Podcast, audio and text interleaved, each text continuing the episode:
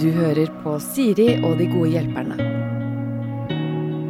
Helgens gode hjelpere er på plass, og det er jo da denne helgen Mari Garås Monsson og Christian Mikkelsen, som jo er på en måte kollegaer i Nitimen for tiden. Ja, nå er det ferdig, da. Ja, du var bare vikar Nei, dere var aldri kollegaer, du var vikar for Mari, var det sånn? Ja, fordi egentlig er det sånn at jeg ofte har helgene, og så Ja. skulle jeg over og ha mer ukedag, så du var litt inne som min vikar et Ja. par helger der. Mm. Ok, men er, Dere er en del av uh, poolen som man henter eh, mennesker fra for å lede Nitimen. Ja. Ja. Jeg skal tilbake en gang i juni. skal jeg. Ja. En helg. Godt, godt å vite. Ellers så tusler jeg rundt i andre deler av NRK-bygget. Og lage sketsjer. Og lager sketsjer, ja. Ja. ja og TV-programmer og sånn. Ja, Mm. Sammen med Martin. Sammen med Martin for det meste. For det meste, ja. Ja. ja. Jeg hadde lyst til å spørre dere, jeg prøver egentlig å ikke snakke så mye om koronaen, men det mest irriterende er jo de som sier at de ikke snakker om koronaen, og så gjør de det. Jeg er en av de. Hei! Uh, for jeg tipper at uh, Det er veldig populært å si hvem man syns synd på under denne pandemien. Men alle syns jo litt synd på seg selv også. Å si. Så derfor har jeg lyst til å spørre uh, når dere syns synd på dere selv. Ikke hvis, men når. Hva er, hva, er det noe dere vil trekke fram? Hva har dere gått glipp av, føler dere, som dere gjerne Altså, jeg syns det har vært nesten litt vanskelig å være helt ærlig på at jeg syns det er ganske digg. Eh, jeg syns ikke jeg går glipp av så mye. Eh, man går selvfølgelig glipp av sånn Jeg som er en u, ugift kvinne. Eh, det var vanskeligere å dra og møte folk, være ute på uteliv og sånn. Men det er liksom ikke noe å synes synd på meg sjøl for. Og man kan jo strengt tatt treffes hvis man er kreativ fortsatt. Så jeg syns jeg egentlig tar meg sjøl i nesten hver dag og ha det ganske bra. Har du ikke, er det ikke et eneste sånn eh, 30-årslag til en venninne, bryllupet til eh, en eller annen fetter som skal gifte Altså et eller annet, liksom? Ja, det jeg syns er kanskje vanskeligst, er at jeg akkurat har blitt eh, tante på, på nytt til min lille, lille, lillesøster. Og det, da syns jeg det er litt vanskelig det at man ikke kan være like tett og nær som man vanligvis ville blitt. Men det gjør ikke at jeg syns synd på meg sjøl, for jeg tenker at det går jo greit. Men jeg skulle jo gjerne sett at restriksjonene var litt eh, mindre harde enn det de er. Ja. Du da, Kristian? Jeg har det kjempefint, jeg. Jeg også. Det er Ikke kjedelig. vær så glad. Jeg kan ikke, nei, men jeg har mer sånn at jeg hadde så utrolig mye å gjøre før dette her begynte. Eh, jo, men det, Det er en ærlig sak. det er en ærlig sak. Eh, hvor jeg, jobba, jeg jobba jo vanlige ukedager, og så hadde, gjorde jeg mye ting i helger. Og det var veldig gøye ting, så det var ikke noe problem. Men når jeg først da fikk fri, og måtte kansellere liksom de neste fire helgene og alt, så syns jeg det var helt sjukt digg. Jeg føler ikke jeg har hatt så mye fri og ledig tid på mange år. Um, så jeg, når jeg syns mest synd på meg selv Jeg skulle jo til Japan tre uker, da, det ble jo avlyst. Så Det er lov å si litt synd på seg selv. jeg syns litt synd på meg selv, men samtidig så tenker jeg at den kommer igjen. Jeg, jeg syns litt synd på meg selv nå um, når, jeg, um, når jeg skjønner at jeg var veldig flink til å trene og sånn før, og så nå er jeg ikke det. Så nå, I dag var jeg ute på løpetur. Ja. Uh, Jeg syns veldig synd på meg selv da, fordi jeg har eh, jeg jeg har forbannet meg selv, rett og slett. Og Ja. jeg har latt formen bli så mye dårligere på så kort tid. Det er så ferskvare, vet du. Ja, Og Ja. jeg hadde påske altfor lenge. Jeg hadde sikkert tre-fire ukers påske Ja. med hvitvinsboksen eh, på bordet og litt påskegodt. Så da tenker jeg at nå må påsken være over, og så må jeg ikke begynne å ta tidlig sommerferie. For det rykker i den sommerferiefoten nå. Er for kort pause mellom påske og sommer. Ass. Der må Jesus eh, inn og, og finne på noe. Ja, men Jesus har allerede gjort altfor mye gærent der. For han har drysset sånne fridager som bryter opp. Ja. Um, og så, vet du hva, jeg begynner faktisk å synes litt synd på meg selv, for nå begynner det å bli ganske mye jobb igjen. Ja. Så nå, blir jeg, nå har jeg blitt så sjukt vant til den pensjonistlivsstilen hvor det er liksom Nei, jeg drar opp NRK et par timer, og så Ja. Så er det vel hjem, da! Spille litt PlayStation! Ja. Call of Duty. Jeg syns jeg er litt synd på meg selv når kjæresten min sier at jeg spiller for mye PlayStation. Ja. Da kan jeg bli veldig sånn trassig 14 år gammel gutt. Dette var du my mye bedre på enn meg, merka, å synes synd på deg sjøl. Ja, men jeg å grave. Ja, sånn. Jeg syns dere begge to har vært flinke. Du, Mari, har fått sneket inn at du er singel. Det kan være lurt. Mm. Eh, Du har fått sneket inn at du vanligvis jobber en hel del og trener ganske mye, men akkurat nå har det Ja, blitt men jeg har vært god det siste halvåret, altså. Ja, ja, ja. Det, det må være lov å si. Fordi jeg er jo ikke liksom uh, ribbed uh, Altså, det er jo ikke et vaskebrett når du tar på meg. Nei. Men jeg har vært ganske flink, og det må være lov å si uten at det er for stygt. Eh, og jeg, ja. Ja, Jeg har ikke noe så mye skam på det, altså. Nei, og jeg, eh, jeg stilte jo et konkret spørsmål også. Ja. Så det er ingen som skal skamme seg her. Nei. Nei. Nei, men jeg skammer meg mye. Det gjør jeg. Ja. Det kan du ikke ta fra meg heller. Litt skam er sunt. Ja, jeg har mer enn sunn skam. Dere, vi skal, nemlig, Grunnen til at jeg spør om dette, er fordi første uh, spørsmål ut i dag er litt sånn koronarelatert. så derfor så vil jeg liksom bare uh, dra dere litt sånn inn i det. Vi skal ta et problem som er sendt inn fra en som jeg syns instinktivt er morsom allerede i overskriften. Ja. For hun skriver 'Hei, Siri og co. Parentes vidd 19. Nei da. Ikke sant? Jeg syns den er god. Det er på. Det Ja. er på. Og så er hun 19 år også, ikke sant? så det er mye her. Det er, Ja. det er mye som er gøy. Jeg er 19 år, eh, og som for mange andre på min alder, så har jeg kjent koronaen eh, sin eh, virkning knyttet til russetid. Det var lenge usikkert hvordan feiringen skulle bli, men det ser ut til at den starter som normalt den 1. juni. Jeg er, som ikke like mange, føler jeg, ikke noe særlig begeistret over feiring brannfakkel. Personlig er jeg på buss, og har derfor brukt mange tusen kroner på den. Grunnen til at jeg hele tatt er på den bussen, er for å ikke falle ut sosialt. Jeg er sjelden med på samlinger med bussjentene, da jeg ikke kjenner meg helt igjen i deres væremåte. Noe eh, som det hele eh, Nå som det hele snart nærmer seg, kjenner jeg mer og mer på angsten av å måtte rulle. Jentene sender stadig meldinger om at de må bli med, og snakker eh, nok også mye bak min rygg. Eh, nå som vi skal tilbake på skolen, er det nærmest obligatorisk å ha på dress. Eh, denne har de selvfølgelig pyntet for lengst, og det har ikke jeg. Problemet mitt er egentlig hvordan jeg skal håndtere hele denne situasjonen. Skal jeg bli med selv om jeg hater det? Er løsningen øh, Løsningen er jo ikke å ta seg to pils og så føles alt bedre, ettersom jeg ikke drikker noe særlig alkohol heller. Skal jeg fullt hastverk begynne å designe dressen for å please dem? Eh, Altså, jeg er desperat, helt seriøst. Hjelp. Med vennlig hilsen Helene. Oi, oi, oi. Det høres jo i utgangspunktet ut som at eh, koronaen kom eh, på perfekt tid for henne. Ja, egentlig. Eh, egentlig. Ja. Um, Kan vi stoppe opp ett sekund? Ja. Jeg datt litt ut, for jeg begynte å tenke opp min egen rusttid. Hva var egentlig spørsmålet? Skulle hun drite i å dekorere dressen? Nei, og kan, Det er fint at du stopper opp, for jeg Ja. kan godt gjøre dette problemet sånn at det gjelder flere enn bare russen. Her Ja. handler det altså om at du er, føler deg eh, obligatorisk Eller du føler at du er presset til å feste eller være med på noe du ikke har så lyst til. Men du føler at det er det alle gjør, Mm. så du må også. Du har egentlig ikke noe lyst. Nei. Og da er spørsmålet skal man gjøre det fordi det er det alle skal, Mm. eller skal man ikke gjøre det? Unnskyld, Mari, du begynte, så jeg la deg ja, fortsette. nei, nei, det var egentlig bare en tanke om at uh, det må ha vært beleilig for hun at uh, det egentlig var såpass strenge restriksjoner en stund, så at man slapp unna det hun egentlig ikke er så glad i. Da, for Mm. Ja. det virker jo ikke som hun liker verken veldig godt å feste, eh, eller heller, men hun har bare blitt med som en sånn slags sosial greie. Mm. Eh, og så er jo egentlig det hun lurer på, føler jeg, om hun skal være med løpet ut, Mm. eller Mm. Jeg føler jo litt at hun jakter litt en sånn kan man snike seg unna-aktig approach her òg. Mm. Eh, Det er helt lov å droppe russetid eller andre feiringer, uh, syns jeg. Uh, jeg syns også det er lov å gå all in og bli med på russetid eller alle feiringer. Det jeg tenker at det kan være litt dumt, er den halvveisløsningen. Og da mener jeg ikke sånn at man er med litt og ikke resten, men når man først er med. Dette kjenner jeg meg nemlig igjen i. Jeg har hatt en tendens til å gjøre dette. Så nå er jeg på en fest jeg egentlig ikke har lyst til å være på. Og det skal jeg vise fram! så da sitter jeg litt sånn sur i et hjørne bare for å poengtere at jeg har egentlig ikke så innmari lyst til å være her, for jeg syns rustetid er ganske teit, men jeg er her. Ja, og det er jo egentlig noe som sprer litt sånn dårlige vibber. Har Å være en som sitter med armene halvveis i kors og viser at jeg har ikke egentlig så lyst til å være her. Mm. Men det jo, jeg tenker jo med en gang at det finnes et hav av sånne FHI-regler fortsatt som hun kan bruke hvis hun ikke ønsker å være med. Ja. Eh, Bare å referere til Bent Høie. Ja, Folkehelseinstituttet. Det er fortsatt noe eh, en Jeg Vi tar alle rådene fra Og, Folkehelseinstituttet. Ja, men er, det Tenk nest, til at de reglene er der.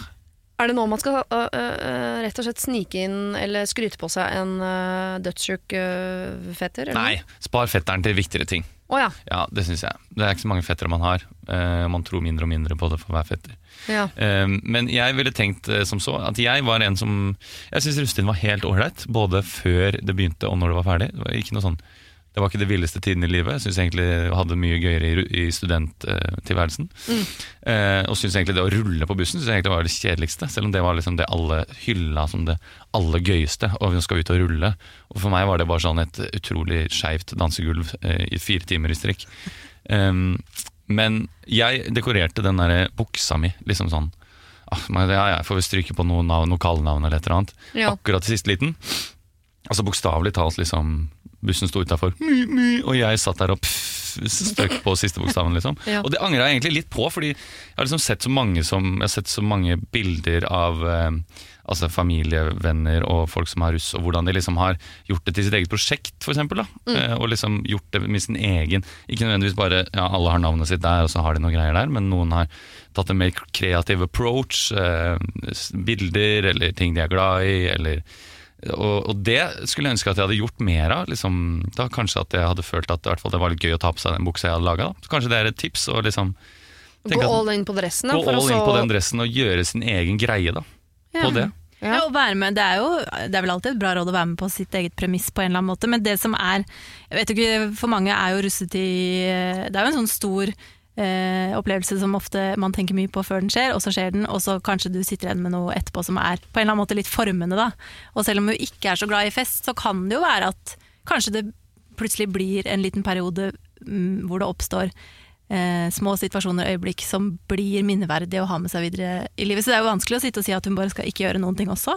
Fordi man vet jo aldri hva som skjer hvis man eh, vrir seg om til å være litt mer åpen heller. Mm. Nei, men jeg tenker at uh, jeg, jeg syns hun skal liksom velge seg ut en par-tre ting som hun blir med på, og da blir hun med 100% Og de andre, jeg tror sånn, hvis de ting du ikke er med på, med mindre du gjør noe nummer ut av det, så er det ikke sånn at det er så mange som legger merke til det, egentlig. Man kan fint snike seg unna en del av rullinga, det føles veldig unaturlig for meg å si, uh, og så blir det ikke noe nummer ut av det, men når du først er til stede, så tenker jeg sånn, prøv å ha det gøy, for det er veldig ofte eh, nå uh, tar jeg meg selv veldig inn i dette, men det er veldig ofte når man ikke har det skikkelig gøy og er litt opptatt av å fortelle alle andre at jeg har det ikke skikkelig gøy, så er det fordi man ikke helt tør å hekte seg på. Mm. Mens de få gangene man virkelig tør å hekte seg på, så blir det veldig veldig gøy, men det tør man ikke hvis man allerede har gjort et poeng ut av at Mm. 'dette her er skikkelig teit, ass, jeg skal ikke være med 100% i hvert fall'. Så jeg tenker sånn, velg deg to ting, gå 100 inn i det, og bli hjemme resten. Ja, det syns jeg høres fornuftig ut. Og så er det jo sikkert også lurt for eh, hun å tenke over Er den gjengen jeg er på buss med, en gjeng som jeg kommer til å ønske å fortsette å henge med når etter hvert sommeren har kommet, og kanskje en ny tilværelse med om det blir studier eller friår eller hva nå enn. Mm. For hvis hun i utgangspunktet er veldig knytta til den gjengen, så vil jo jeg si at det kan være smart kanskje å gjøre din variant med noen utvalgte, men også for å sitte igjen med at man på en måte er med på de felles minnene og mimringa, og ikke liksom trekker seg unna, da. Ja, for de kommer ikke til å snakke om noe annet de neste syv årene, og det, da, det blir kjedelig. Jo. Ja, hva da? Jeg, må, bare sånn, jeg satt og tenkte på hvilke historier jeg hadde fra Augustinen, og det var veldig få av de som innebar liksom eh, det var, Jeg har noen historier, og det er egentlig bare at jeg skada meg. Ja. At jeg skada meg masse. ja. Og jeg røyka 20 sigg om dagen. Akkurat den perioden. ja. aldri røyka før eller siden. Men jeg bare begynte å røyke, jeg og bestekompisen min. Eh, jeg måtte snike meg inn i mitt eget hus, holdt på å brekke beinet. gang, ikke sant? Sitter og mimrer. Måtte hoppe ut av vinduet etter at jeg hadde sneket meg inn i mitt eget hus, for jeg ikke hadde nøkler. Eh, satt meg blødende på toget til Lillehammer. Ja. Ikke sant? Det er det jeg husker. Ja. Jeg husker de svenske eh, lydsystemfolka som vi skulle rigge lydanlegg med. Og så husker jeg at jeg dansa og drakk og mye rølping og Ja. Røde Kors-telt osv. Men, øh, og øh, ikke for å være frekk, du har en nydelig ung hud, men det er vel ikke fem år siden du var russ? Nei, Nei. det er tolv år siden. Ikke sant? Ja. Dere skal gå videre Hva hadde det med noe å gjøre? Nei, for jeg sa at man jeg snakker mye om rustida, i hvert fall en sånn fem til sju år etter etter ja. rustida. Nei, men jeg kan jo huske hva jeg snakka om for fem år siden, da! Du- Jeg kan jo huske hva jeg snakka om da! Det er greit, det er greit. det er greit. Men når du kommer på universitetet eller et eller annet utenfor, og så begynner du sånn Faen, husker du russetida? Det var helt sjukt fett! Det, går, det snakker om det i to år, kanskje. Ja. Men så når du møter de gamle vennene dine, kanskje man detter innom det temaet. Jeg tror det kommer til å gå bra uansett, da. Det, Ja. det tror jeg vi kan si. Ja. Jeg tror også det går bra uansett. Vi skal over til et eh, annet ganske sånn ungt problem, eh, men som jeg tror de fleste kan kjenne seg igjen i, for dette er et litt sånn eh, eh, evigvarende tabu på mange måter. Mm. Kjære Siri og de gode hjelperne. Jeg har et eh, kjæresteproblem, eller rettere sagt et problem med eksen. Her er historien. Vi slo opp for snart et år siden. Vi hadde vært sammen i tre år og ble sammen da vi var 18 år gamle. Det var et fint forhold, endte opp fordi følelsene jeg hadde for han ikke var der lenger. Det var flere ting jeg savnet i vårt forhold. Han ble knust og kjempet lenge for å få meg tilbake. Nå har vi lite kontakt, men vi kan prate sammen i ny og det. Jeg vet at han fremdeles er forelsket i meg, men jeg er fortsatt sikker i min sak på at jeg er ikke forelsket i han. Vi bor på et lite sted hvor vi kjenner omtrent alle våre venner, og vi har mange felles venner. Nå er vi jo begge over 20 år og studerer på universiteter i hver vår by, men over til hovedproblemet.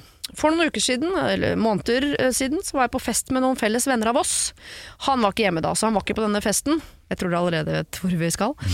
Eh, og jeg har hatt øynene for eh, en av kompisene hans de siste ukene, men jeg har aldri tenkt at det var gjensidig. Men denne kvelden endte vi opp i seng sammen, og jeg sov der til dagen etterpå. Jeg har ikke fortalt det til noen fordi jeg vet at eksen min kommer til å bli knust. I hvert fall siden de to er kompiser og de har diskutert bruddet sammen flere ganger. Og kompisen er fullt klar over hvordan ting er mellom oss. Kan jeg gå videre med dette forholdet? Hvordan skal jeg gjøre det? Skal jeg fortelle til eksen? Greit å nevne at vi ikke har prata så mye sammen etter at vi lå sammen, vi bor i hver vår by, men jeg er veldig interessert i han.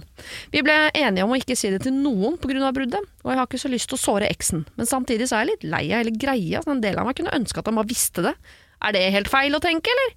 Du kan kalle meg Silje, eksen kan dere kalle Tore, kompisen kan dere kalle Mikkel. Oh, oi, her var det Oi, oi, mange, knagger å huske på. Eksen var Tore. Eh, Ja. Ja. Jeg tenker jo at her er det er litt av spennende mm, Det er et sammensurium av greier her. Eh, det viktigste aller først tror jeg jo må være å finne ut om det kan potensielt bli noe mer med denne nye fyren. Fordi han, eksen kan hun jo bare vente med å si noe som helst til, til hun eventuelt vet om det blir noe. Mhm. Er ikke det et valg man kan gjøre? Jo, er det streit? At hun på en måte, for det er ikke vits å fortelle eksen om noe potensielt nytt hvis ikke det blir noe mer. Hvis Nei, det var den det jo ene natta, så har man jo ikke noe meldeplikt på det, liksom. Og da blir det jo sårende både øh, Han kommer til å bli såra av henne, men også av sin kompis, som har eh, gått i sengs med hans eks. Ja, har ikke han nesten et større ansvar her, egentlig? Altså Enn henne, som er liksom Hun er jo bare eks. Jo, for de var kompiser, ikke sant? Ja. Eksen hennes og han eh, nye som hun har ligget med. Ja, Jo, det er også et poeng, faktisk. Hvis de faktisk. da er i bros before hose uh, Obviously not, hvis vi skal holde. Eh, Nei, ja, det er sant. Han har allerede brutt den koden der. Uh, men uh, hvor mye skylder man en eks uh, av altså, lovlydighet, holdt jeg på å si? Hun er, hun er, de er jo ikke sammen lenger, og hun kan jo egentlig gjøre hva hun vil. Og Ja, være si med var- andre. Og så er jo, det er jo dumt hvis du da begynner å rote inn i alle brødrene og alle vennene til han der eksen. Da. Det er jo litt, litt dårlig gjort på en måte. Ja, det er ufint, men det er jo litt formildende at hun faktisk har følelser. Så det er ikke bare sånn 'jeg feide over en helt random god kompis av deg'. Mm. Hun er, det er jo en fyr hun liker, men jeg er enig i at jeg, han har gjort et større svik her. Mm. Så jeg tenker at, eh, at Silje har lyst til å si fra til Tore. Jeg tenker at Da må du vite at du både ødelegger for Tore, eller han blir lei seg, men for Mikkel også, og for Mikkel og Tore. Så det er veldig mye Ja. å ødelegge bare fordi du har litt lyst. Ja. Det er derfor jeg tenkte på det med å først undersøke litt videre om det kan bli noe der, før hun begynner å involvere alt og beskjeder og sånn. Og jeg har, altså jeg, jeg har, flere, jeg har vært borti flere lignende situasjoner i vennekretser, og der har vel den oppskrifta som har funka best, uh, har vært den finne ut hva som er greia, og så hvis de skulle ende opp med å bli forelska og bli sammen, Mm. så gjør man det på en ryddig måte og går tidlig til da eksen og forteller det før ryktebørsen begynner å Hvis man venter for lenge, da, så blir det bare vondere og vondere. Ikke sant? Ja, Jeg har for, holdt på i ni år. Tore. Og nå har vi bestemt oss! Ni år, Mikkel! Yngste begynner på skolen til høsten, så jeg tenkte det var på tide å si noe. Det barnet vi alltid har sagt bare er eh, en fetter, det er mitt og, Det og Mikkels barn. Ja. Men hvem eh, Tore, da, som er den eh, som det er synd på her. Selv om det er eh, vanskelig for Silje. Hei, Silje, eh, det skjønner vi, men det er Tore det liksom er synd på her. Hvem vil Tore få denne beskjeden fra? Vil han ha den av Silje, eller vil han ha den av Mikkel? Eller vil han ha den på ryktebørs? Jeg, tror, jeg, jeg hadde tippa Mikkel, jeg. Jeg ville jo egentlig også tenkt at det var mest naturlig, hvis de er ganske gode kompiser, da. Ja. Ja, Hvis han ikke har så mye med Silje å gjøre lenger. Ja. Egentlig. Men han er fortsatt forelsket i Silje, da, sier Silje. Ja, men det vil jo gå over på et eller annet tidspunkt. I hvert fall nå, men Ja. eh, ja. Men kan det være at Silje har en sånn un at i underbevisstheten hennes så har hun litt lyst til å si det her bare for at han skal slutte å fortsatt være forelska i henne? Ja, det Kan sier det hun vel noe- nesten. ja, ikke sant? Hun er lei hele greia. Ja, så hun har egentlig lyst til å bare pushe litt på, trykke litt på den knappen? Ja. Det tenker jeg at hun ikke skal gjøre. Ja, ja. Ja, ja det er jeg enig i. Men jeg, jeg, jeg syns på en måte det er Mikkel som har øh, meldeplikten her. Men Mm. samtidig, hvis jeg skulle satt meg inn i skoene til Tore, så lurer jeg på om jeg gjerne ville hatt beskjeden fra eksen. For, jeg vet ikke hvorfor, men det er bare det føles som om øh, man har en mer sånn fortrolighet med eksen enn man har med vennen. At det er liksom en sånn uskreven regel på at når, den, når en av oss går videre, så vil jeg gjerne ha beskjed. Aktig, men det er kanskje ikke før man har blitt sammen. jeg vet ikke. Det ville vært veldig naturlig å tenke det hvis ikke de to hadde noe med hverandre å gjøre. Altså de, nå, jeg blander navnet, men Mikkel og Tore? Ja, Hvis ikke de hadde en relasjon, så ville det jo selvfølgelig altså, vært helt solklart at hun skulle sagt det selv, ja. åpenbart. Men, men, Nei, du kjenner ikke meg. men eh, nei, jeg bare syns det er litt vanskelig å, å bestemme seg helt eh, for hva som er det aller riktigste. Kanskje nesten begge Kanskje de må si det litt sånn nesten samtidig. Ja, for jeg Eh, føler. Uansett hvem som ville sagt det, Ja. så kaster du en under bussen på en måte. Ja, gjør det At den ene er mer ærlig enn den andre. Ja. Hvis du skjønner hva jeg mener? At Hvis Mikkel sier det, så er det da Faen at ikke Silje har sagt det her. Hvis Silje sier det, så er Mikkel jævla drittfyr. Ja, men det er eh, helt enig. Men hvem er det som skal eh, potensielt fortsette å ha et forhold i fremtiden her? Det er jo Tore og Mikkel. Ja. Silje og Tore er jo åpenbart ikke liksom, De kommer ikke til å bli sammen igjen, det sier hun jo selv. Så det er viktigere å bevare relasjonen mellom Tore og Mikkel. ja. Men er det da Mikkel som burde si det?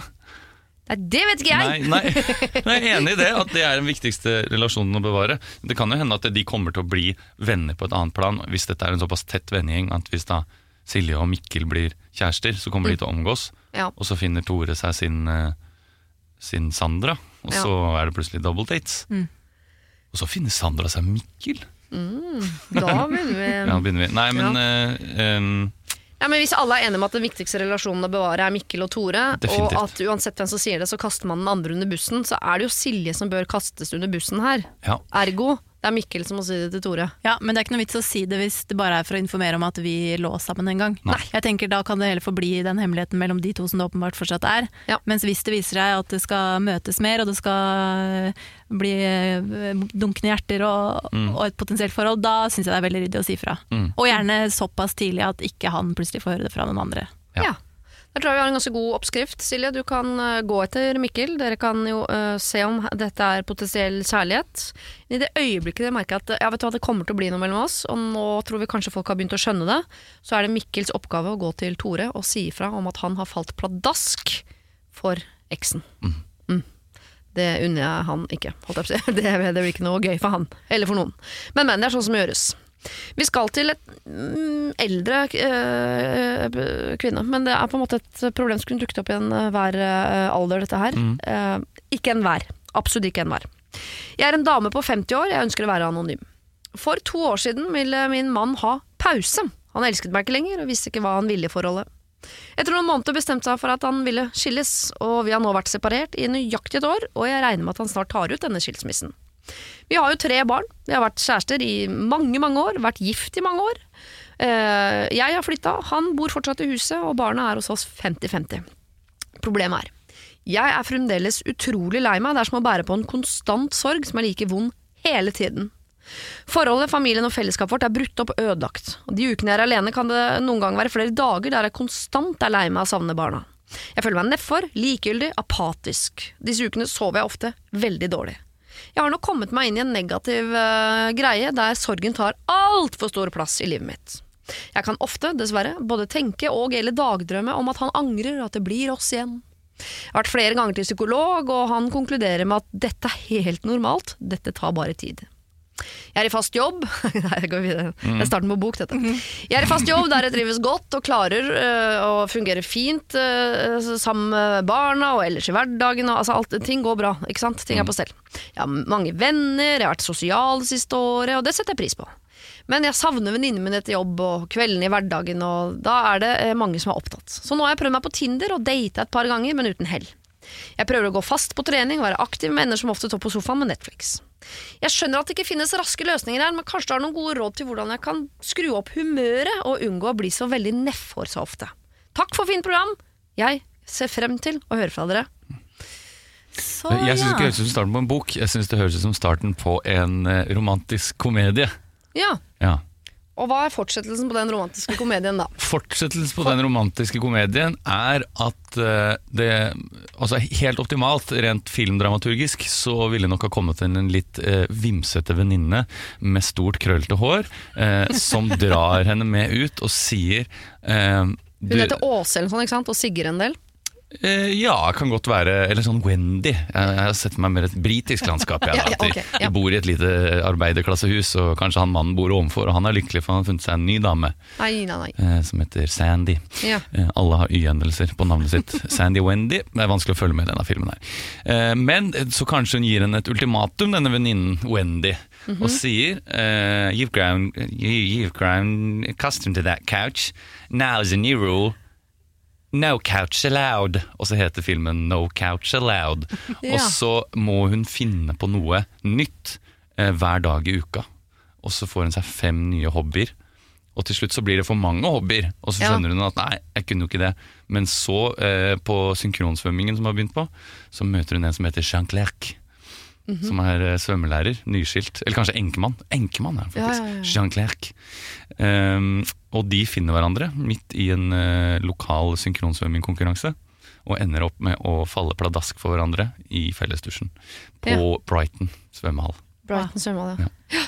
Men skal det- presse, det presse jusa ut av den Ja, jeg tror det det prøver å si er kast sofaen. Eh, Kast sofaen Eller jeg, jeg bare eh, Jeg husker når jeg, Hvis jeg har flytta til nye steder og, og studert og sånn, så har jeg alltid prøvd å gi meg så lite sånn aleinetid som mulig, egentlig. Ja. Fordi eh, jo mer man aktiviserer seg og melder seg inn på ting og, og, og, og tester litt sånn grenser og sånn, jo mer folk blir man kjent med, syns jeg. da.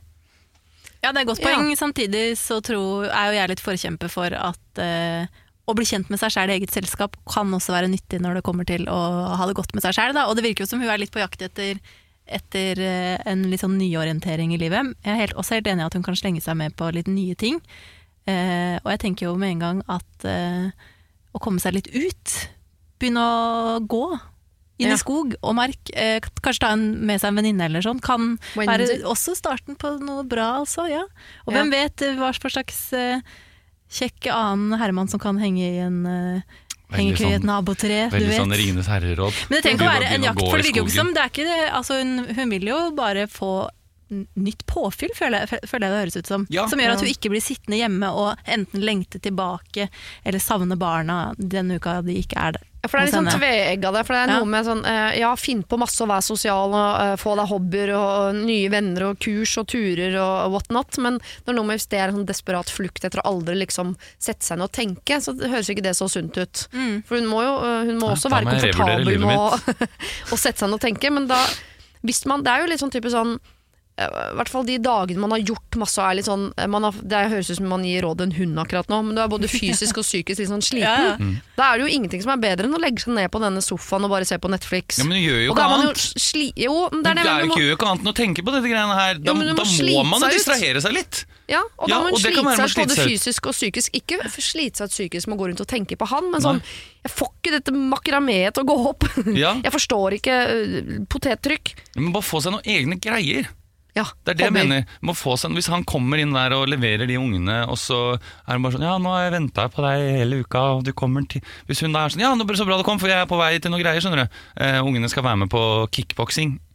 Ja. Skjønner du hva jeg mener? Eller Ja, ja. bare sånn at får seg noe greier som man ser fram til, og som utfordrer en litt, og som tar en Jeg sier ikke at hun skal bruke hver eneste ledig kveld, og da er det vaffelkurs, og da er det som man trenger kurs for å lage vafler, men jeg sier ikke at man skal fylle opp alle dagene, men det er noe med å komme seg ut og møte nye folk, og man får seg nye venner og nye interesser, og hun går jo til psykolog allerede, virker som hun har et veldig sånn Veldig ryddig forhold til hele greia. Altså, hun har tenkt gjennom mye, hun er i jobb, hun prøver å trene, men hun er mye hjemme og er lei seg over situasjonen. Ja. Og da må man ta litt oppmerksomheten bort fra det og få seg noe nytt, tenker jeg da.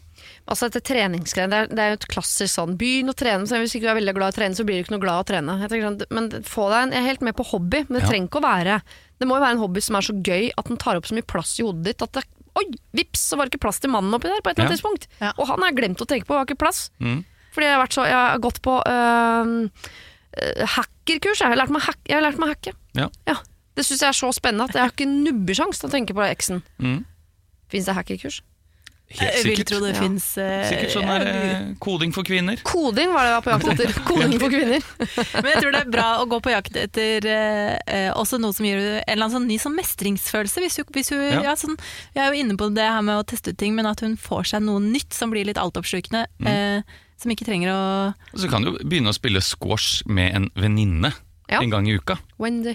Wendy. Det gjorde jeg med en kompis, ikke fordi jeg var eh, nedfor, men eh, det var veldig gøy. Og en mestringsfølelse, noe jeg så fram til hver uke. Preika Ja. litt med han, var litt sosial, fikk trent litt, fikk litt mestringsfølelse. Tråkka over, kunne ikke spille squash på fire måneder, fortsatte å spille squash. Etterpå. Ja. ja. ja. Squash, tur i skog og mark. Absolutt. Kaste ut sofaen. Altså, det handler bare om å okkupere eh, kropp og sinn med Mm. noe som er så gøy at når du først setter deg ned i sofaen, så har du glemt å tenke på mannen hele dagen. Og jammen, nå orker du ikke engang, for nå skal du se på Netflix med Mm. god samvittighet. Ut i skogen, Sanseinntrykk som Ja, det er akkurat møte det som er det bra. Ja. kaste ringer i vulkaner, fly på ørner. Det, det finnes jo et hav av ting man kan altså Hvis du tar seg bare enkle trasketurer altså Sette på om det er gøyale podkaster, eller om det er eh, seriøse krimthrillere som hun kan høre på. Altså Hun kan jo gjøre sånne ting for å Ja, ja. litt sånn som du sier, okkupere seg litt. kjapt trasketips og tilhørende podkast. Kom med det, vær så snill. Et kjapt traske... Ja, En tu- turtips og en podkast som hører til. Ja, det synes jeg det er gøy. Hvis du ikke liker skog, først og fremst skog. Mm. Hvis ikke, så kan hun gå eh, i bare sånn og også glane på hus. Og så syns jeg kanskje at hun skal gå for en true crime-podkast, f.eks. Ja. Ja. Eh, det kan være spennende Mm. å slukes av. Eller bare noe, hvis man vil le og ha det gøy, eh, Bærum og Beyer f.eks. har jo en helt hysterisk artig ukentlig podkast som er Altså Mm. Ja. Da får man utløp for masse deilig. Er det noe for kvinner 50? Bare spør. ja. Ja, det tror jeg faktisk. De har etter hvert eh, Ja, det tror jeg. Mm. Tror det kan funke. Ja, Så bra. Tror jeg. Vi skal eh, tilbake ned i 20-årene til en vennegjeng der eh, som henger mye sammen. En i vennegjengen eh, har alltid hatt kjæreste, Lars. Men jeg har følt at han har vært litt ekstra flørtete med meg hele tiden. For ca. en måned siden ringte han og fortalte meg at han hadde blitt singel, og vi avtaler fort en vinkveld. Som dere sikkert eh, har skjønt, så er vinkveld eh, at vi ligger sammen. og det gjør vi to ganger. Vi ble enige om å ikke si det til noen, for ikke å gjøre eh, ting så veldig kleint. Eh, men etter dette så har Lars sluttet å snakke med meg. Det er blitt rar stemning. Eh, jeg har prøvd å holde det eh, vanlig, altså stemningen vanlig, men han har åpenbart ghostet meg. Dette kunne jeg for så vidt ha levd med, eh, da jeg ikke er en veldig klein person, og det er han det står på, men så oppstår et problem. En annen vennegjeng, nemlig, Maja, som jeg anser som en av mine aller beste venninner, hun har begynt å henge med han bak min rygg.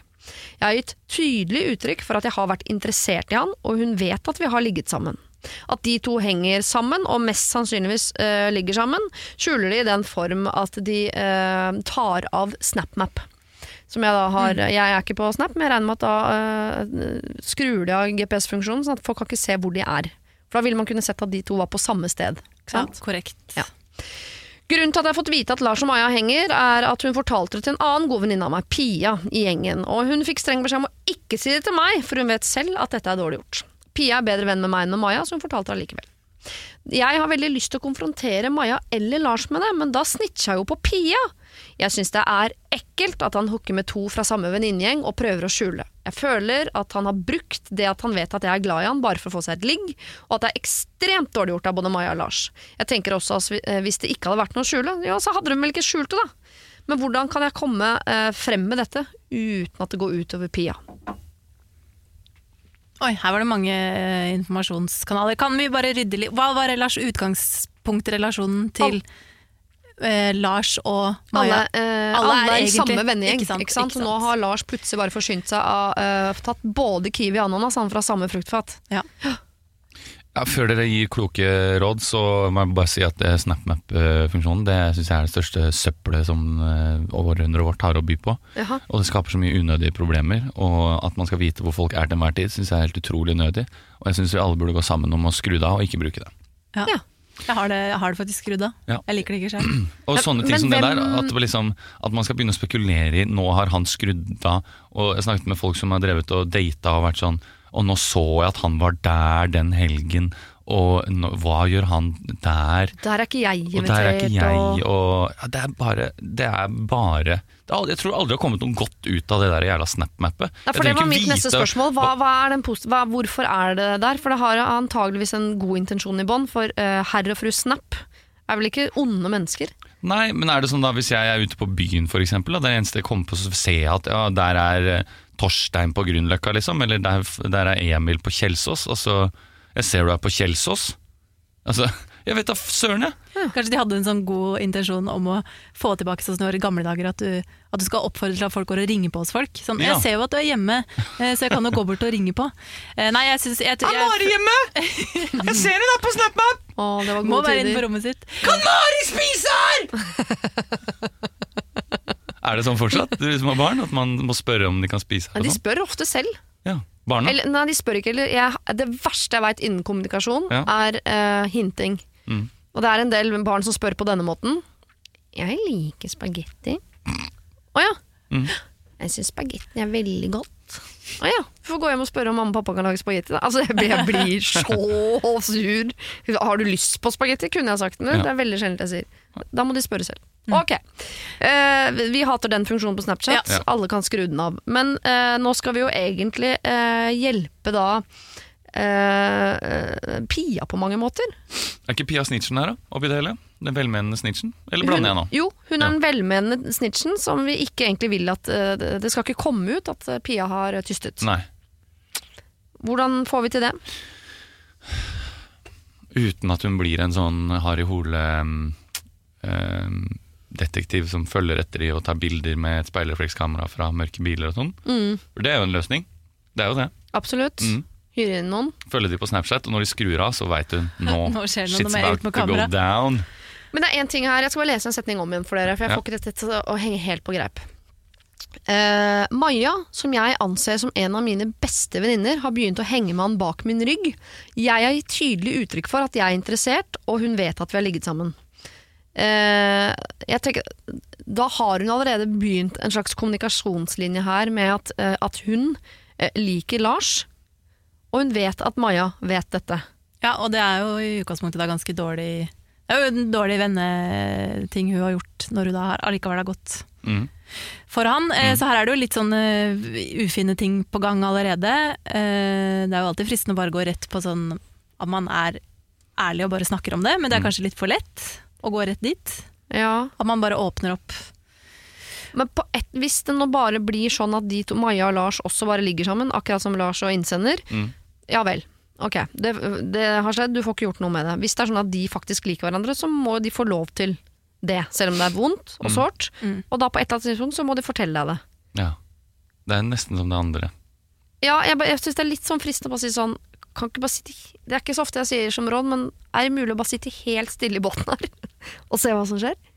Ja. Ja, men jeg skjønner litt hva du mener med det, egentlig. Fordi det er jo litt Men nå er jo jeg kanskje Jeg er jo en blanding av en konfliktsky person og en som også er litt fan av å bare Hvis det er veldig veldig viktige greier, så får man bare nesten ta tak i det. Uansett hvor vondt eh, det gjør. Mm.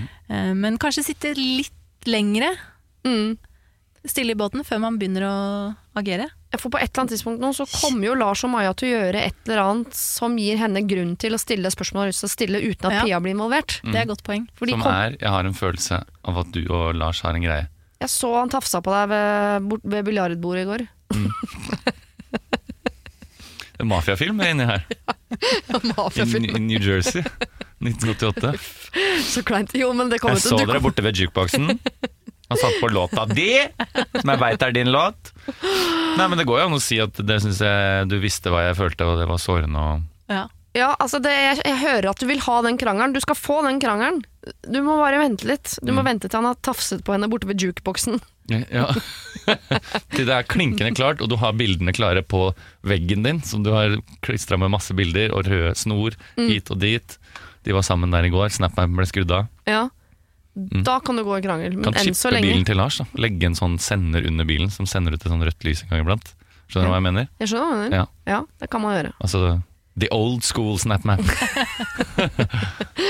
Og dette her, jeg skjønner, vi skjønner at dette her er vanskelig, og det skal ikke gå utover Pia, for da plutselig er du uvenn med Pia, Maja, og Lars er sur, og du er sur, og så plutselig så går hele den vennegjengen i oppløsning. Det er ikke vits i. Så godt liker vi ikke Lars at den skal han ikke få. Men Nei. du skal få krangelen din, men du må sitte stille i båten litt lenger, Mm. Og så hopper du inn i den krangelen så straks du får ditt eget bevis på at de to Mm. driver og, og holder på sammen uten at Pia er involvert. Med Maja. Ikke sant? Hæ? Med Maja. Ja, Ja. med Maja. Har du problemer selv, send dem inn til siri at radionorge.no. Jeg tenkte jeg skulle eh, stille dere det verste spørsmålet jeg veit om. Ikke fordi det er så ille å svare på, jeg bare, når jeg får dette spørsmålet, så er det veldig ofte at jeg tenker at den som stiller spørsmålet Jeg må revurdere vedkommende. Jeg fikk dette i en bursdag for en stund siden. Jeg fikk eh, tilfeldig bordkavaler, aldri truffet før. Han stilte meg dette spørsmålet som åpningsspørsmål, og det skal dere få av meg nå. God søndag, liksom. Trener du en del, eller? trener du noe da, eller? Hva, tre hva er du glad i å trene? Hva trener du, da? Kan jeg jo øh, begynne med deg, Mari? Trener du, eller? Altså, det er et spørsmål jeg ikke føler jeg får så veldig ofte, faktisk.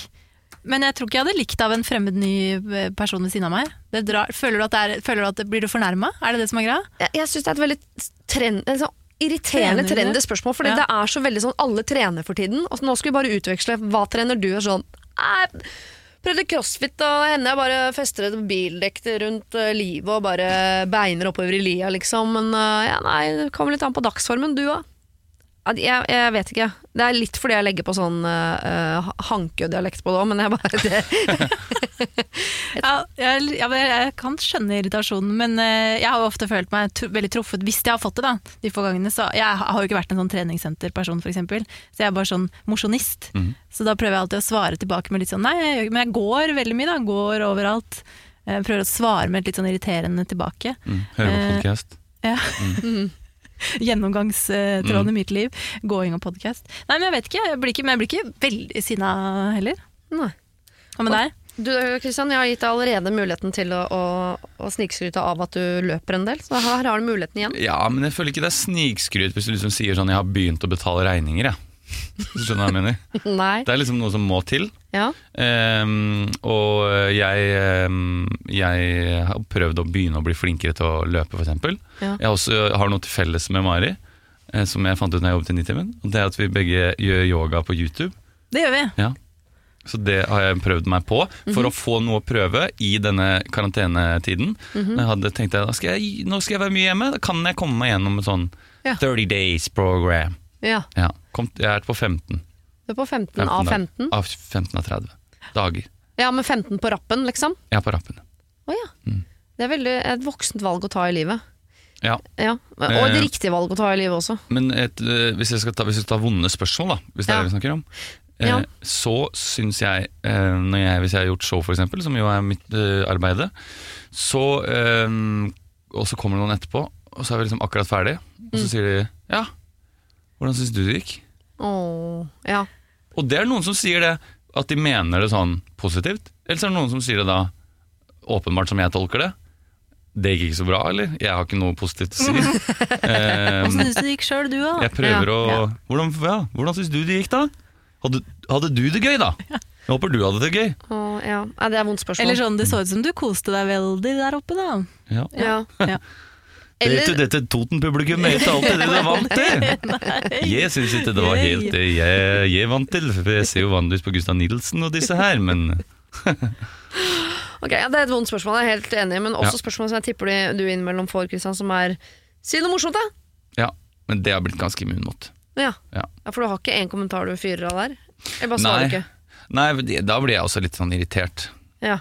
fordi eh, ja det, Da pleier jeg å spørre de hva de driver med, og så si ja Ja. fikse fiks noe rør, da, eller hva nå enn de gjør. Oh, ja. Så du går i Gjør den, regnskapet mitt, da. ja, du går i den litt sånn frekke retningen? Litt? Ja, jeg syns det er eh, litt sånn frekt spørsmål, ja. Ja. Eller sånn, eller sånn små det, det er jo sikkert ofte ikke ment sånn, men bare sånn Å ja, du er komiker, ja. ja si, overbevis meg, da! ja. Nei. Det er ikke greit. Nei. spør eh, Men grunnen til at jeg stiller eh, trener du-spørsmålet, er fordi vi skal eh, over i et treningsproblem. Ja. Eh, bare for å belyse egentlig hvor vanskelig det er å få noen til å trene som kanskje ikke vil trene, fordi det er så betent. Mm. Eh, jeg tror ingen i verden kunne sagt til meg sånn Du skulle ikke bare trent litt, da, uten at jeg hadde eh, blitt sånn ordentlig, ordentlig, ordentlig sinna. Mm. Her er det en blant våre aller yngste lyttere, vil jeg tro, som har sendt inn. Eh, jeg er en 15 år gammel jente som har problemer, eh, og her er ett av dem. Jeg har skilte foreldre, de slo opp for noen år siden, eh, så det er ikke så ferskt. Nå, når jeg er hos min mor, så er vi veldig aktive, vi går noen turer, men når jeg er hos pappa, så er det nesten aldri noen ting. Han er litt overvektig, og jeg har lyst til å få han med på tur, eller noe lignende. Jeg og broren min, som er tolv, vi har gått og jogga noen turer alene, og så har vi spurt om han vil være med, men han sier nei hver gang. Dette har blitt et større problem nå som vi har hjemmeskole. For til vanlig så har vi jo fotball- og håndballtrening fire-fem ganger i uka, og da er det ikke så stort problem for oss. Eh, Jeg skjønner at det ikke er jeg eller broren min som skal dra han ut, men vi syns det er vanskelig og lurer på hva vi kan si for å få han med på tur. Ja. Og så her er det, jo, øh, det er jo bare kjærlighet, men her er det altså et søskenpar i tenårene som ønsker å trene sin far. Mm. Og så vil man jo det på grunn av pappas beste, men mm. det er jo kanskje Hvis han er en litt sånn som hadde reagert veldig hvis de hadde sagt at det sikkert hadde vært godt for han med det, så må man i hvert fall finne en annen approach enn å gå dit, kanskje.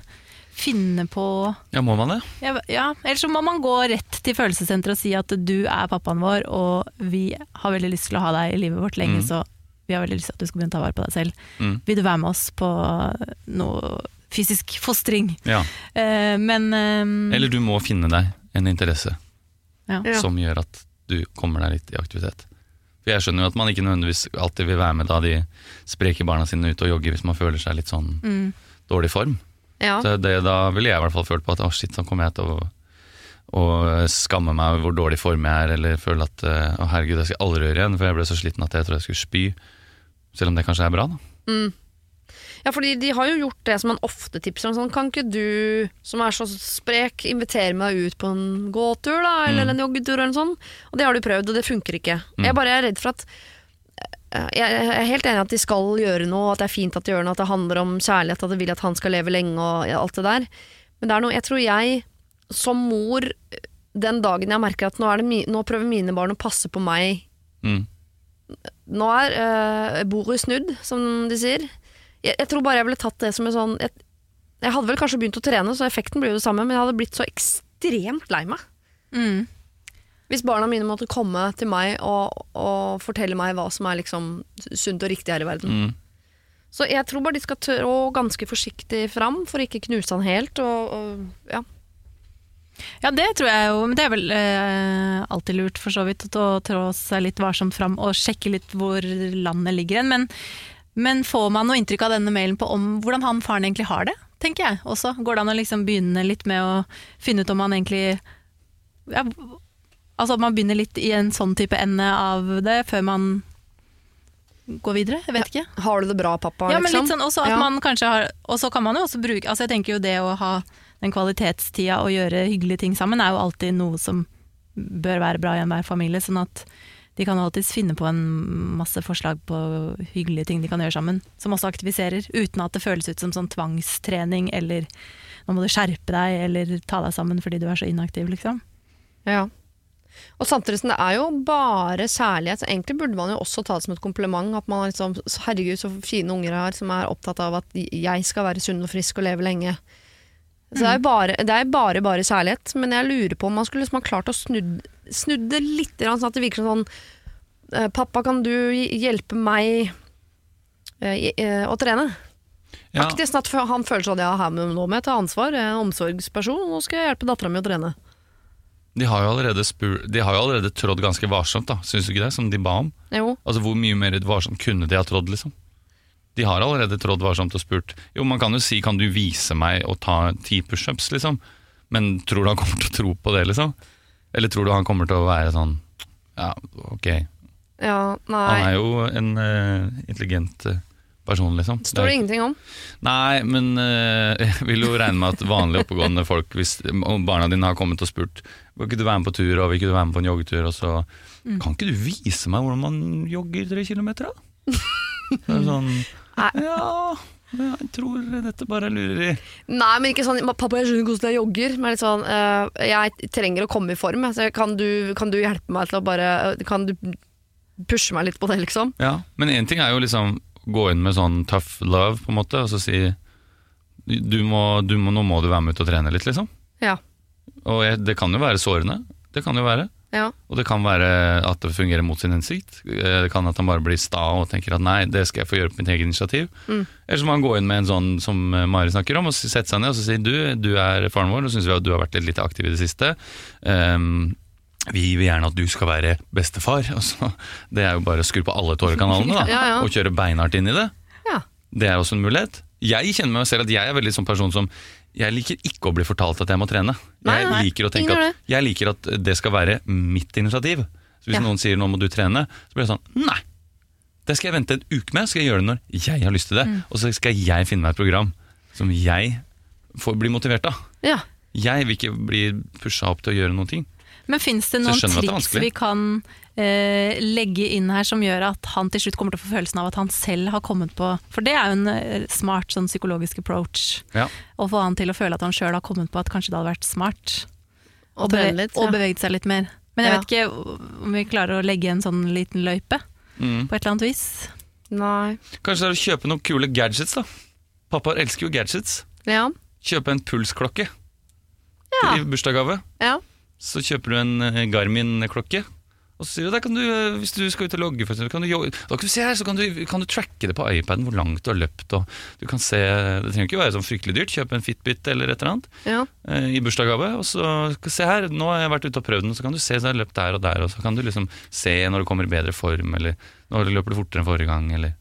Det er ikke så dumt. Og hvis, det finnes, hvis han en eller annen gang tidligere i livet har hatt snev av konkurranseelement i seg, så kan han synes det er gøy hvis de oppfordrer til en slags sånn eh, familie, Konkurranse. familiekonkurransen, og så skal de sjekke, for da må de andre også ha Ja, og når vi løper eh, Når vi er hos mamma, så løper vi med henne. Og når vi er med deg, så skal vi vinne over mamma. Noe sånt, ja. Enda mer splid i forholdet. Ja! Og det, men det trenger ikke å gå på å, sånn, løpe lengst eller raskest, heller, men det kan jo være å utforske nye altså man, fordi da, da kan man også tracke hvor man har vært, og Mm. se altså Jeg vet ikke. Og, eh, sånne nå, det er litt eh, personlig, da, men eh, det er ikke så farlig heller. Men mine foreldre de har noe som heter sånn stolpejakt. Har du hørt om det? Ja, ja, ja, ja, ja. at Kjempepopulært. Går, går og leter etter sånne stolper. Ja.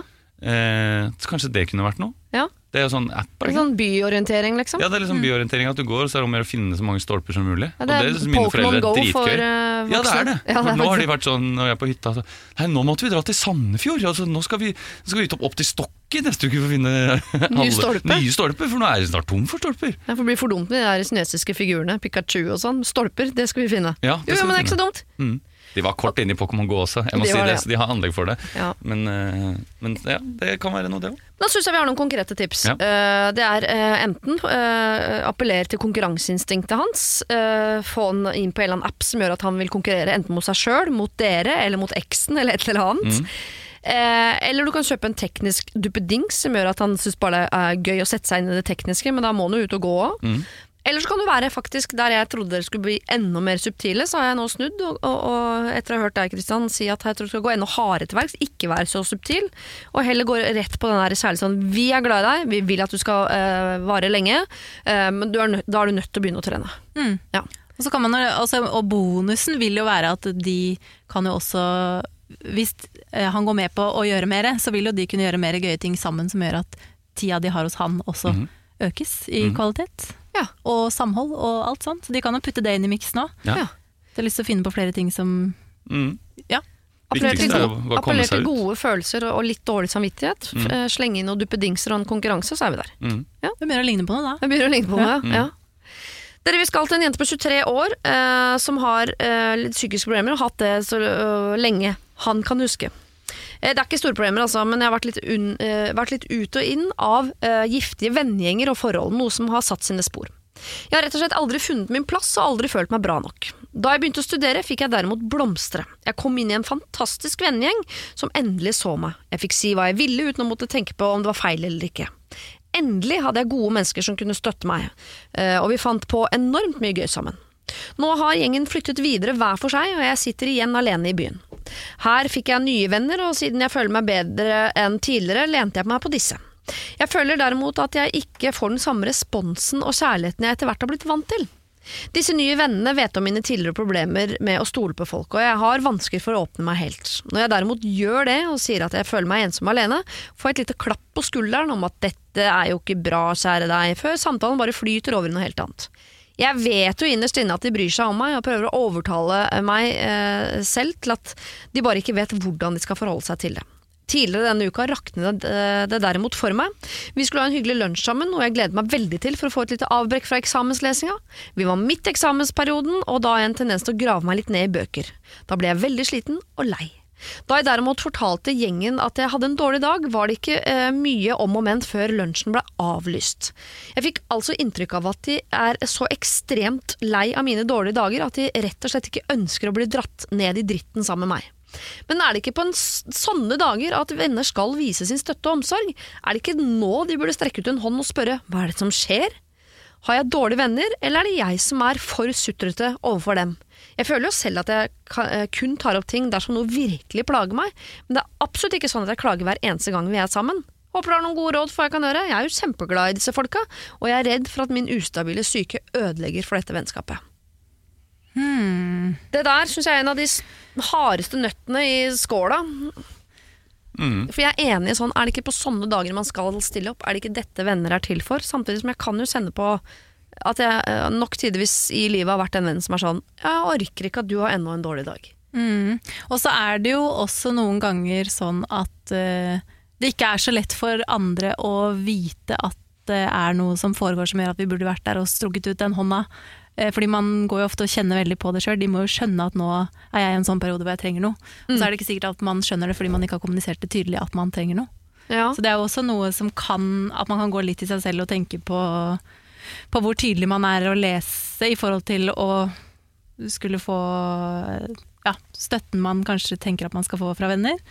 Um, Og samtidig så er det ikke litt sånn også at man noen ganger Selvfølgelig Hvis man ber om hjelp, så får man jo ofte hjelp. Men det er jo kanskje noen ganger man ikke har så lyst til å liksom, måtte be om det òg. Som regel vil man at noen skal, ja, det er jo akkurat det, man vil jo aller helst at noen skal klare å lese eh, deg såpass godt at det kommer, ja. uh, uten at man må be om det. For det er jo en veldig sårbar ting å be om hvis det oppleves at man får en avvisning tilbake. Men er man en dårlig venn hvis ikke man stiller opp hver gang øh, venner har det vanskelig, har en tøff tid, en tøff dag? Man må jo, ha, man må jo som venn ha eh, overskudd til det også, da. Det er ikke alltid man har det. Hvis man selv har en dårlig dag i større eller mindre grad, så må man jo ha det overskuddet til å være der og hjelpe til. Og man kan jo ikke alltid være der for alle andre hele tiden, selv om Nei. man gjerne kanskje vil det og har det som et ideal. Mm. Um, uh, og det er jo ikke alle som er på den i, i utgangspunktet så komfortable eller på en måte um, eh, flinke til å, å være den vennen. Mm. Eh, og det kan jo handle om eh, at man kommer fra en familie som er sånn og sånn, eller ikke snakker så mye om det, og noen snakker om sånne ting hele tiden, mens noen er mer må komme til det punktet at man sier 'jeg har det ikke noe bra, hjelp meg', liksom. Mm. Eh, og ja. Kan det være litt ulv-ulv her også? At hvis det har vært mange dårlige dager, men det går jo alltid bra, så tenker man sånn åh, det er enda en av de dagene der, ja. Men det går jo, kommer jo til å gå bra, det òg. At man Mm. blir litt sånn jeg, jeg ser jo for meg at man kan bli sånn nummen til slutt også. Mm. Mm, Av alle disse dårlige dagene.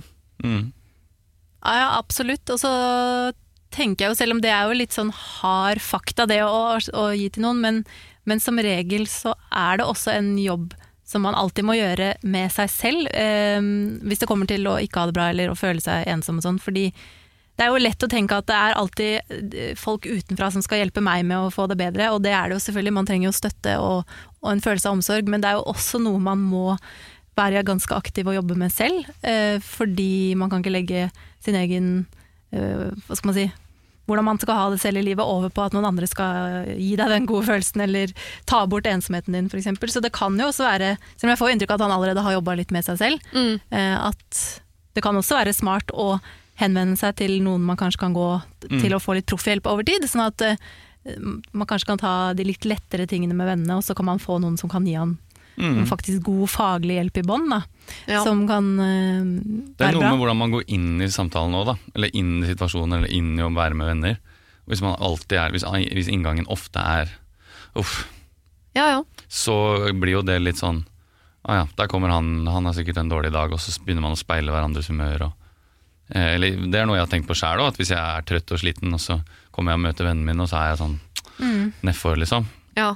Og så kan jeg nesten få dårlig samvittighet igjen. Kanskje jeg bare skulle gå inn i samtalen og, eller bare prøve å være, ta på meg et smil om så det er falskt. Da. Og Det er veldig lett å si, så klart, og dette er bare mine egne banale erfaringer av hvordan Hvis jeg har en sliten, slitsom dag eller har en tøff tid, på en måte. Em, men, uh, men det er også når jeg tenker på bare sånn em, Jeg husker en gang da jeg var liten, så sa jeg det til foreldrene mine, veldig veslevoksen så klart, men at noen ganger så syns jeg at de, at de alltid skulle si at det var rotete med en gang de kom hjem. Og oh, ja. kunne ikke si hei først. Ja. Eh, og så kunne, vi, så kunne vi begynne på en hyggelig dag, for det hadde jeg lest på en eller annen sånn ja, ja. foreldreråd. da. Ikke kom hjem og klag med en gang, men si heller hei, og så kan du si det har vært veldig fint om du rydda i gangen. ja. Eh, som jeg, jeg har tenkt på i mitt møte med andre, da, som er liksom Kanskje jeg heller skal være prøve å være litt blid, og så blir man litt blid av det. Selv om det er veldig enkelt å si. Og så kan man heller si det, jeg har det jævla dritt.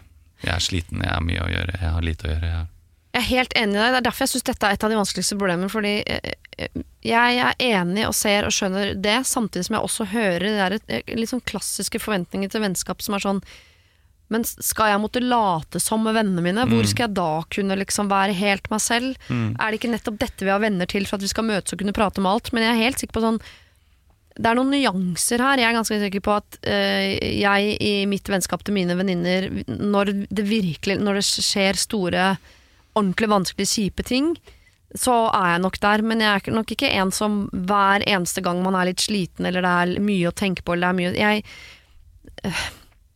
jeg, melder meg ikke 100% på å bli med hele veien ned i gjørma hver gang noen har det litt grann vanskelig med ting som er litt sånn vanskelig i livet. Mm. Så jeg, jeg syns jo dessverre at den forventningen om at alle venner alltid skal stille opp hver gang noen har en vanskelig dag, den, den, da tror jeg man vil være mye skuffa, da. Ja, for det var det jeg skulle til å si, og da tror jeg det er lett at man ofte møter på en sånn skuffa følelse. Men øh, For venner kan- er jo menneskelige, de òg. de er jo det, og de har jo også sine liv og sine ting.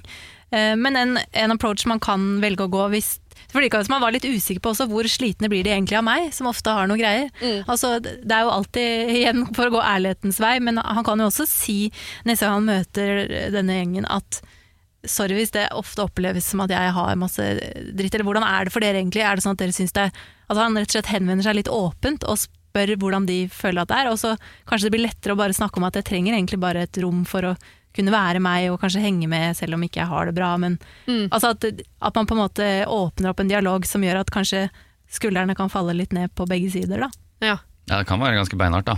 Å si det akkurat sånn. Absolutt. ja. Men, men han kan jo i hvert fall hadde- kommunisere på et eller annet vis at det å være med dere gjør at jeg føler meg bedre. ja. Ja, det, Og så er jeg veldig redd for at dere blir slitne av at Ja. Ikke sant? Ja. Hvis han hadde hatt en venn som på en måte hadde vært bare i stand til å, å være den som la hånda på skulderen og sa sånn Nå ser jeg at du har en vanskelig dag. Skal vi bare prøve å kose oss? Eller sånn, sånn Jeg ser at du har det vanskelig, jeg er her. Men det er ikke sikkert at man skal forvente at man alltid skal snakke om det. Jeg tror det er kanskje der den trettheten kommer inn i vennegjengen. Sånn, Hvis vi hver eneste gang vi møtes, så skal vi snakke om at ett av menneskene i gjengen har det veldig vanskelig. Da tror jeg det kan komme inn en litt sånn slitasje til slutt. Og da eh, den der ulv-ulv-effekten som gjør at eh, man etter hvert blir litt sånn nummen og ikke helt hører etter hva du egentlig sier. Mm. Og da skjønner jeg også Man kan jo ha opplevd det som at man føler at nå sier jeg fra om at noen er vanskelig, og så er det ingen som reagerer Mm. så hardt som jeg syns at dette problemet fortjener. Det har man jo også opplevd. Mm. Så øh, ja, nei, jeg vet ikke. Kan, Men øh, sa han noe innledningsvis om hvor mye han hadde gått og fått hjelp? Jeg returnerer til dette med å få hjelp òg, jeg. Sa han om det? Har han gått og fått psykologhjelp, f.eks.? Nei, han har hatt øh, psykiske problemer så lenge han kan huske. Ja, fordi hvis denne personen fortsatt ikke har prøvd det fantastiske verktøyet det er å gå i terapi, så er jo det mitt beste håndboktips eh, uansett. Fordi mange har jo også en høy terskel for å gå til en fagperson og si eh, jeg har egentlig over ganske lang tid hatt det litt kjipt. Fordi man tror at det må være så vold veldig voldsomt at man nesten skal være ute av stand til å fungere før man går og oppsøker hjelp. Mm. Mens eh, det kan jo være at det han trenger er nettopp en fagperson å ta ut størstedelen av bøygen på og med, og Mm. kommer til å få noe av det han trenger tilbake, og også den, kanskje det han føler han savner. Og så vil det bli lettere Mm. med å ta de litt vanligere tingene med Mm. vennene også, da. Hvordan gjør man det når man er student? Det er jo, man kan sikkert både henvende seg til sånn studentsamskipnad, har vel noen skolepsykologer eller som man kan henvende seg til, eller så kan man jo gå til fastlegen sin, Mm. for eksempel. Ja. Og si at man tror man trenger noen å prate med. Mm. Og så er det typiske psykologtips også, begynn å skrive dagbok. Det er jo noe med å bare på en måte Ja, få, absolutt, få tankene og følelsene sine ut et sted. Ikke alltid at det er liksom eh, Knut og Pål som skal høre på. Mm. Kan vel så gjerne være noe du har skrevet, eller til en psykolog eller noen andre. Mm. Vi skal fra dårlig syke til dårlig sex. Ja. Hei sann! Ja, jeg liker å ta en lite sexproblem på tampen Mm. der, fordi man, blodsukkeret blodsukker er lavt. Men det er et eller annet med ordet sex som gjør at se her. Mm. Det er jo våkna til ja, ja, ja. Der er vi. Ja. Dette problemet handler om min nåværende kjæreste og min ekskjæreste. Ikke sant? Jeg har en fantastisk kjæreste. Kall henne Linda. Hun er vakker, snill, smart, omtenksom. Ja, omtrent alt du kan ønske deg i en partner. Jeg har også en ekskjæreste. Kall henne gjerne Charlotte. Hun er snill, pen, grei, men vi matcha ikke så veldig bra på personlighet, noe som også er grunnen til at det ble slutt. Så til problemet. Min ekskjæreste og jeg hadde fantastisk sex. Vi matchet utrolig bra på den biten av forholdet, og jeg var ikke klar over at det var mulig å ha så gode opplevelser på soverommet. Problemet er at jeg har ikke det samme min med min nåværende kjæreste. Vi har god sex, men jeg klarer liksom ikke å oppnå de samme euforiske følelsene jeg gjorde sammen med eksen. Min nåværende kjæreste og jeg kan fint prate om sex. Jeg har fortalt hva jeg liker, men selv om hun sier at hun ønsker å prøve eh, dette for meg, så merker jeg at hun syns noe av det kan være litt sånn skremmende eller uvant. Og jeg ønsker så klart ikke å presse henne. Til info så er det ikke helt sprø ting jeg liker, det er ikke sadomasochisme, liksom. Det er stort sett litt sånn små kinky ting da, som jeg føler er ganske vanlig å prøve ut i et lengre parforhold. Jeg vil ikke slå opp med kjæresten, og jeg vil heller ikke tilbake til eksen. Men at sexen eh, er eh, så som så, er et problem. Det har gått så langt at jeg noen ganger har tatt meg i å fantasere om eksen når jeg har sex med dama, og det er ikke bra. Jeg er utrolig glad i kjæresten min, og hun har omtrent alt jeg ser etter en partner som jeg kan dele resten av livet mitt med, men jeg klarer ikke tanken på å gå resten av livet med middels sex. Så hva gjør jeg med det? Det høres kanskje ut som et tullete problem, men det er noe jeg tenker mye på. Må jeg, jeg bare jobbe med meg? Må jeg slå opp med kjæresten? Håper dere kan hjelpe. Må bare si til Ua Charlotte hvor mye bedre i senga. Ha det! Takk for meg! Jeg stikker. Går med her. Å, det må man aldri, aldri, aldri aldri si til kjæresten. Og jeg savner sexen med eksen, ja. Ja. Hun var helt rå Vi var veldig senga. lekne, skjønner du, så vi prøvde ut så mye greier. Ja. Um, det er jo en liten nøtt, dette her. Hvor lenge hadde de vært sammen, sto det? Eh, nei, jo, jeg og kjæresten har vært sammen i ett år. Ja. Mm. Jeg må bare si Det er litt ekstra info her. Eh, han, han skriver også Jeg tror jeg kunne gått tilbake til eksen dersom jeg ønsket. Altså Han sier med andre ord eh, at hun Døra er er klar. åpen, eh, Døra er der, åpen. Ja, døv, det- døv ting å si. Jeg vil være anonym, men kall Ikke meg døv, gjerne for en kjip ting å si. Ja. Ok, Så vi har Stian, nåværende kjæreste, og vi har eksen Charlotte, som Mm. han hadde et dårlig forhold med, men fantastisk sex med. Ja. Og så har vi en nåværende kjæreste som er alt han vil ha, Mm. men litt kjedeligere sex. Ja. Men hun har sagt seg litt villig til å prøve ut litt ting, men Ja. gjør det egentlig ikke helt. Ja, Og er det er bare helt sånn vanlige småkinky ting. Ja. Mm. Så kan vi alle se for oss hva det er. Ja, ja. Så midt, et eller annet sted mellom misjonær og sadomasochisme, som er et ord jeg har problemer med å uttale. Ja. Eh, men det- vi, kan vi bare først si at vi anerkjenner problemet? For det er jo noe med hvis du hver gang du ligger med kjæresten din, så tenker du på eksen. Du, du, allerede, du gruer deg omtrent til å bli gammel, for du orker ikke tanken på å skulle ha denne typen sex så lenge du lever. Det er jo en uh, ulykkesaktig film. Det vil jeg si. Ja. Og det er jo noe som er viktig. Altså Hvis det er et problem nå, så vil det vel være et problem om fem år òg, sikkert, hvis man ikke tar tak i det Ja. eh, på et vis. Så spørsmålet er på en måte skal man gå av det toget før det krasjer, eller skal man prøve å, å fikse problemet om bord, sånn at det toget aldri krasjer? Jeg liker litt sånn. Ja, ja, jeg skjønner det. Man, man skal da metafor. komme seg gjennom eh, alle vognene, komfort, gjennom kafévogna, Ja. og etter hvert komme seg fram til eh, styrehuset. Da. Mm. Mm. Eh, nå høres jeg kanskje kjedelig ut, men eh, det er vel for noen en lengre prosess eh, å bli kjent med partneren sin i senga? Ja. Kan jo også sies at nåværende kjæreste er mye yngre enn eh, eksen. Mm. Ikke Ja, mye, ikke da, men en fire år. Ja. Og alders vet vi cirka, ikke at det har så mye å si, da, men er de liksom er Han er 16. Ha, nei, han er 26, 26. eksen er 28, nåværende kjæreste 24. Ja, nettopp. Mm. Ok, men ja, jeg tror du er inne på et viktig poeng, faktisk. Fordi eh, For å snakke fra egen erfaring også, jeg husker jo at jeg syntes det var så mye som var så flaut. Sånn når jeg fortsatt var i den tidlige delen av 20-åra. Mm. Eh, og, og så merka jeg jo at etter hvert som jeg ble eldre, så ble det også en større trygghet. Som når det kom til å kommunisere hva jeg f.eks. likte eller ønska, eller sånn, mens jeg kunne bli veldig flau hvis jeg fikk det spørsmålet fra, mm. fra en partner f.eks. Um, så det kan jo være at denne nye kjæresten bare rett og slett trenger tid og blir tryggere, og jo mer han eh, Stian da tryggjør sin nye kjæreste, Mm. jo større sjanse er det jo for at hun kommer til å eh, åpne Komme seg opp og bli med, på. Ja. bli med på balletten eh, Ja. utover, eller svingen, eller hva man, Mm. man ønsker.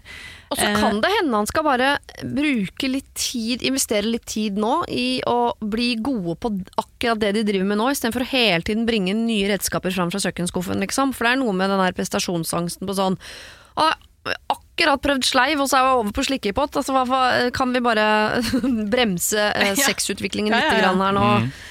At han, jeg, jeg ser for meg at han, Stian han vil veldig fort dit hvor han var med eksen. Men Ja. så trenger den nye dama hun trenger litt tid på å komme seg dit.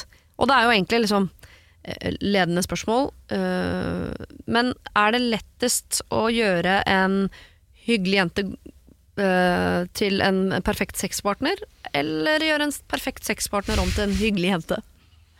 Ja, det er jo ganske lett, egentlig, var det ikke det? Jo. jo. Jo. Jeg vil jo tro Det er sterkeste kort han har, på, han har det sterkeste kortet på hånda nå, Ja. som kan jobbes mest med for å få det bra på alle områder. Ja. Um, men utfordring, liksom det. utfordring Ja. til Stian. Har han gått nok inn i seg selv og tenkt på Uh, hvor god han er med sin nye kjæreste til å finne ut hva hun liker, hva hun trenger? Og, uh, for jeg tenker sånn, Jo mer han sørger for hennes eh, pleasure, eh, Mm. og at hun skal ha det bra, og alt sånn, jo mer kommer hun etter hvert til å altså Jo bedre hun også får det med han, jo mer kommer hun til å ville være med på. Ja. Så det kan godt hende han allerede har gjort det, og vet alt hva hun liker, og at ikke det ligger noe der, men jeg tenker det, det skader aldri å teste litt ekstra eh, hva den andre trenger og ønsker. Han står med drillen i hånda klar til å skru opp uh, huska liksom, på Ja. soverommet. Ja. Eh, og så må man egentlig finne ut av basic ting. Ja. Ja. Ja, for jeg ser for meg at Stian har ikke liksom egentlig investert så mye tid i å finne ut av hva de to er gode på sammen i senga. Han har nok investert mer tid i å eh, tenke på hvordan hun skal bli mest mulig lik eksen Ja, i senga. altså, han driver og har hodet sitt eh, Mm. og lengter litt. Han har gamle triks. Ja. Ja. Han er som en gammel hund. med gamle triks, og så må han egentlig finne nye triks Ja. med sin nye bikkje. Ikke kall dama bikkje. Nei, sin nye tispe, da. ja, mye, mye, mye bedre. Men samtidig eh, vil jeg også skyte inn sånn hvis, eh, Altså, jeg kunne ha vært sammen med verdens beste fyr. La ta lokføreren, min mann. eh, verdens beste fyr. Men hvis det viste seg at sånn at jeg var en uh, helt sånn Jeg syns det er hyggelig å, å kile på ryggen, rett i misjonær, ferdig. Uh, der har du meg i senga, liksom. Og så viste det at han var sånn Jeg skulle gjerne ha pissa deg i trynet altså, mens uh, naboen så på. Da er det vant, da tror jeg aldri, uansett hvor mye vi øver og lærer hverandre nye triks og helt på, så vi ville nok aldri møtt hverandre i senga sånn Vi ville aldri blitt en perfekt match på soverommet. Og da er det da, hvis vi skal holde oss til Vys terminologi, da er det lov å gå av toget. Ja. Det, det, det må være lov. Ja, ja. Fordi hvis han allerede nå savner å pisse eh, henne i trynet, Mm. Og det kommer aldri til å skje, og han er 26 år, det blir mange år med, eh, med en lyst han aldri liksom får levd ut. Ja, men han, er jo ikke, han sier jo selv at han ikke er eh, helt der ute på noe som er mer eh, crazy i hans øyne, da. Han prøver, han prøver jo å si det. Det er ikke altså, pissing i trynet. Det vil si er to steg over sadomasochisme, Ja, om ikke tre, fire, fem. Ja. Det er ganske mange Eh, hakk over små, småkinky, som var vel var ordet Ja. han brukte. Ja. Eh, Det er det. Jo, men han er utenfor hennes komfortsone, får jeg, en la- får et eller annet inntrykk av. For det er ikke fordi hun ikke skjønner opp og ned på tissen, det er jo fordi hun, øh, det er ting her som hun ikke er helt komfortabel med å drive med. Ja. Men og jeg det tror er ikke sånn øh, Vi snakker vel noe mer enn en lillefinger i rumpa, liksom. Hvis du skjønner. Jeg stopper meg sjøl der. Skal vi ta en tur inn i alles fantasihode her og nå? Ja, men jeg tror fortsatt, jeg, jeg velger å tro at hvis han bruker eh, Hvis han flytter fokuset litt fra seg sjøl og det han savner, over i eh, å bli kjent med sin nye kjæreste og finne ut hva hun trenger for å få maksimal njutning, Altså, så tror jeg mye kjørt- vil skje Ja, av seg selv. Han har kjørt et gammelt damplokomotiv, som han syntes var helt mega å kjøre. Ja. Og han kunne trykke, trekke i den ene snora der, og da var det mi, mi. Men nå har han et nytt elektrisk lokomotiv som har helt andre funksjoner. Der, der må du feste den der greia opp til eh, en sånn ledning som går i taket. Og han syns det er det et dårligere tog. fortere. Ja, han syns det er et dårlig tog, for det, det er bare fordi han ikke skjønner det toget ennå. Det er et mye bedre tog, egentlig. Han har bare ikke satt seg inn i køl inn knappene. i, inn i på det elektriske lokomotivet. Ja, det funker ikke, det. Nei, fungerer ikke det? Nei, det ødelegger faktisk. Ja. Herre, det er jo, eh, Vy har fått meg ut av mange problemer, altså. Også dette, faktisk. Men Sian, jeg håper du skjønner hva jeg, vi mener. Ja. Eh, altså, du, du må på en måte ikke tenke så mye på hvordan du skal få nåværende dame til å bli mest mulig lik den forrige. Altså, Du er på et nytt tog. Du må finne ut av hvordan dette toget fungerer. Og hvis du på et eller annet tidspunkt skjønner at ja, men det toget her det fungerer ikke for meg, altså, vi, vi, det, det er ikke kompatibelt, ja, så må du gå av det toget og så må du finne et tredje tog. Men Ja. legg inn en god, eh, god ny økt først, rett og slett. Opp til flere. Få på deg eh, Mhm. og kjør billettkontroll.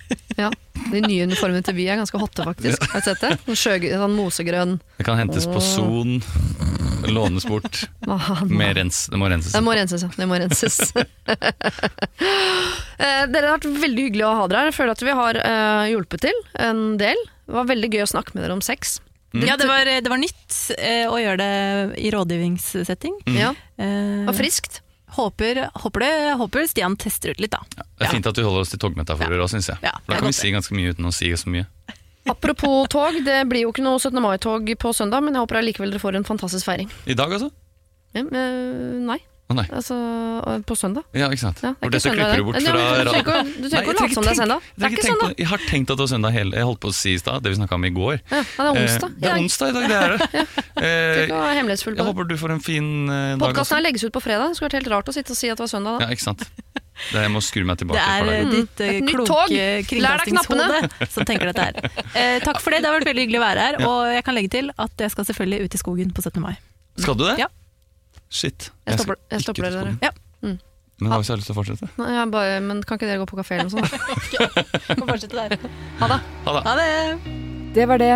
Husk å sende ditt problem til siri at radionorge.no om du vil ha hjelp. Denne podkasten er produsert av Rubicon for Bauer.